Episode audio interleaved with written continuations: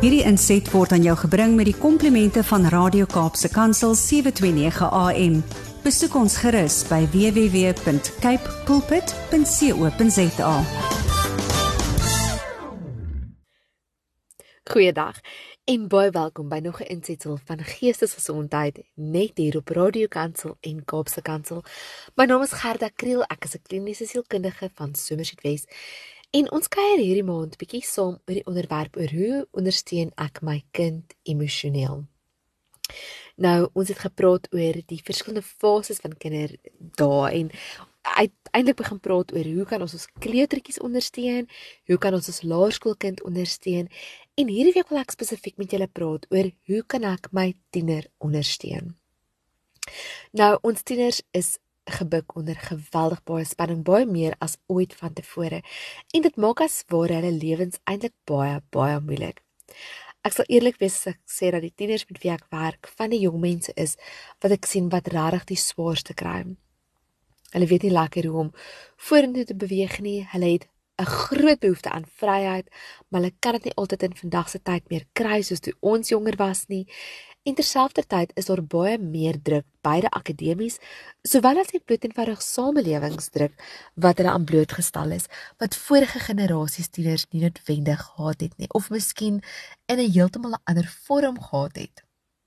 Nou, as jy jou tiener optimaal wil ondersteun, dan beteken dit dat jy uiteindelik as jou kind se ouer weer inpas langsaan hulle moet begin stap.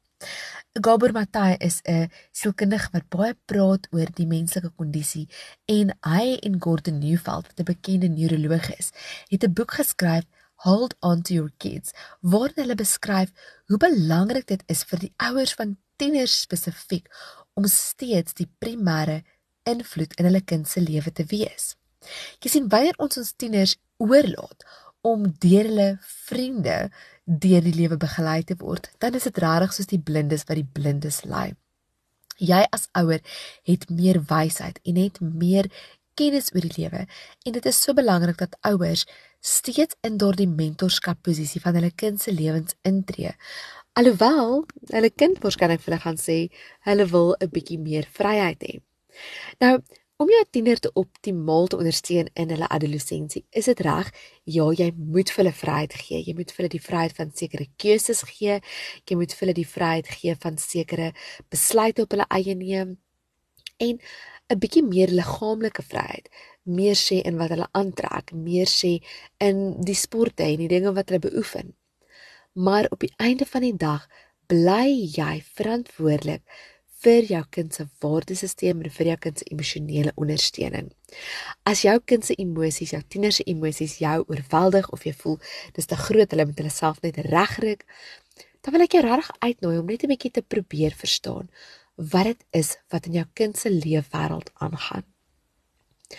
As jy opmerk dat jou tiener byvoorbeeld begin stil raak en begin onttrek, nie meer wil deelneem aan aktiwiteite wat hulle van tevore baie van gehou het nie of met eens hoor dat hulle heeltemal van hulle vriendekring onttrek. Moet jy besef dat daar waarskynlik iets fout is wat jou aandag indringend nodig het. Adolessensie is 'n tyd van ongekende potensiaal.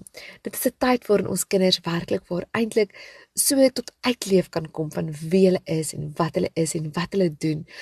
Maar as ons tieners begin motivering verloor en hulle begin daardie lus vir die lewe heeltemal verloor, dan moet ons ons oë oopmaak en sê, "Oké, okay, wag. Nou moet ek langs my kind inkom. Ek moet kyk waar is ek nou sien ouers, as jy op daardie punt eers langs jou kind wil inkom en die verhouding wil druk, gaan dit vir jou baie moeilik wees."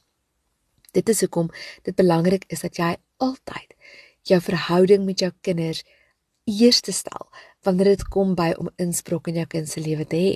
Dit beteken dat jy ongeag wat jou kind gedoen het, eers inspreek in hoe dit met hulle gaan, wat in hulle harte is, wat regtig in hulle in hulle leefwêreld aan die gang is, voordat jy hulle dissiplineer of voordat jy selfs enige ietsie doen wat hulle kan as kritiek ervaar. Nou wil ek julle uitnooi as jy dit kan doen van 'n jong ouderdom af. Dan help dit baie, maar as jy nou die ouer van 'n tiener is en jy voel nou vanaand jy het jou um jou jou kanse verbeur, dan wil ek vir jou sê dis nie te laat nie, dis nooit te laat nie. Maar jy moet toelaat dat jou tiener jou geleidelik weer aanvaar in hulle leefwêreld in. Vra uit oor hulle belangstellings. Nooi jou tiener om dinge saam met jou te doen. Al kla hulle al wil hulle nie. Vra hulle om saam met jou iewers te ry. Maak net klein geselsies. Probeer om nie te kritiseer nie. Jy weet, dit is as 'n ouer so maklik as ons sien ons kind doen iets wat ons dink 'n bietjie onbenullig is, dan wil ons kritiseer. Ons wil vir hulle sê, "Ag nee, maar dis 'n stupid besluit. Doen iets beters." Maar ons tieners leef met konstante kritiek van die oggend tot die aand. As dit nie hulle onderwysers is nie, is dit hulle sport coaches, as dit nie hulle coaches is nie, is dit hulle vriende, die sosiale media. 'n Ouer se stem behoort 'n bemoedigende stem te wees in die gedruis van kritiek waaraan ons kinders blootgestel is vandag.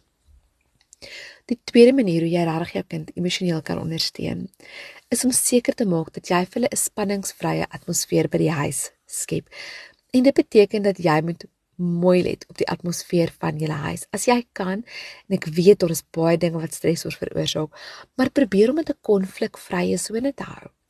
Konflik is normaal, maar maar wanneer die konflik kronies is en aanhoudend is, dan is dit nie meer normaal nie en dan het jy nodig om dalk die hulp van 'n professionele persoon in te roep of iemand wat kan help om 'n konflik te medieer tussen jou en jou lewensmaat of jy en van jou kinders.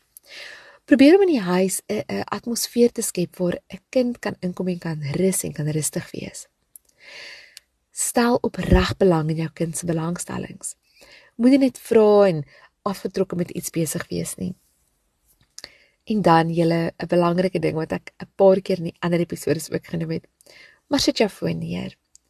Wanneer jy rondom jou tiener is, sit jou foon neer en gee vir hulle jou onverdeelde aandag en hier is hoekom wanneer jou tiener jou onverdeelde aandag het, kan hulle met baie meer gerusstelling met jou praat oor die dinge wat op hulle hart is.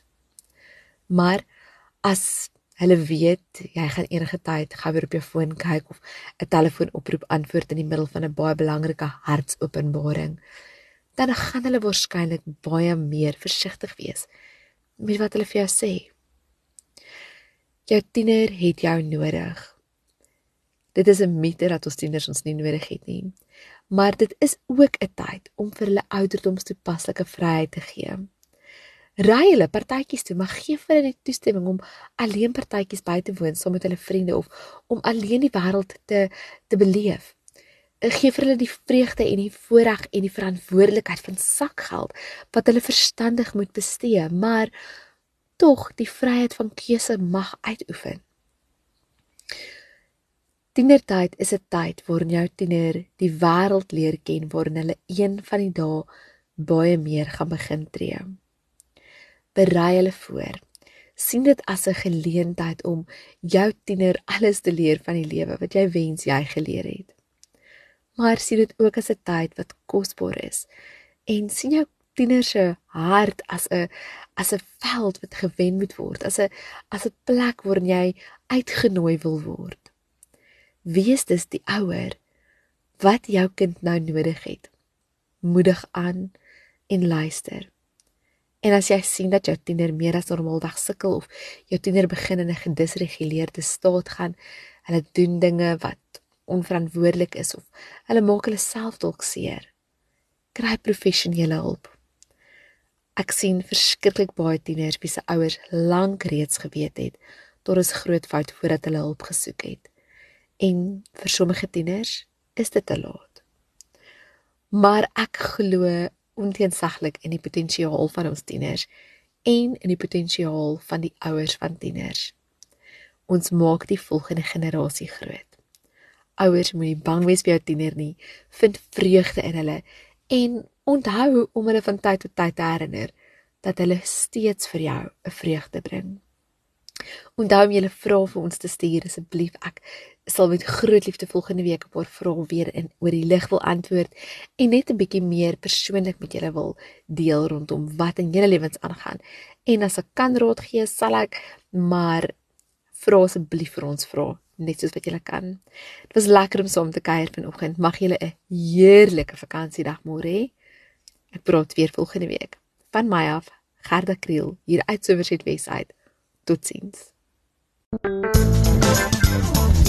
Hierdie inset was aan jou gebring met die komplimente van Radio Kaapse Kansel 729 AM. Besoek ons gerus by www.cape pulpit.co.za.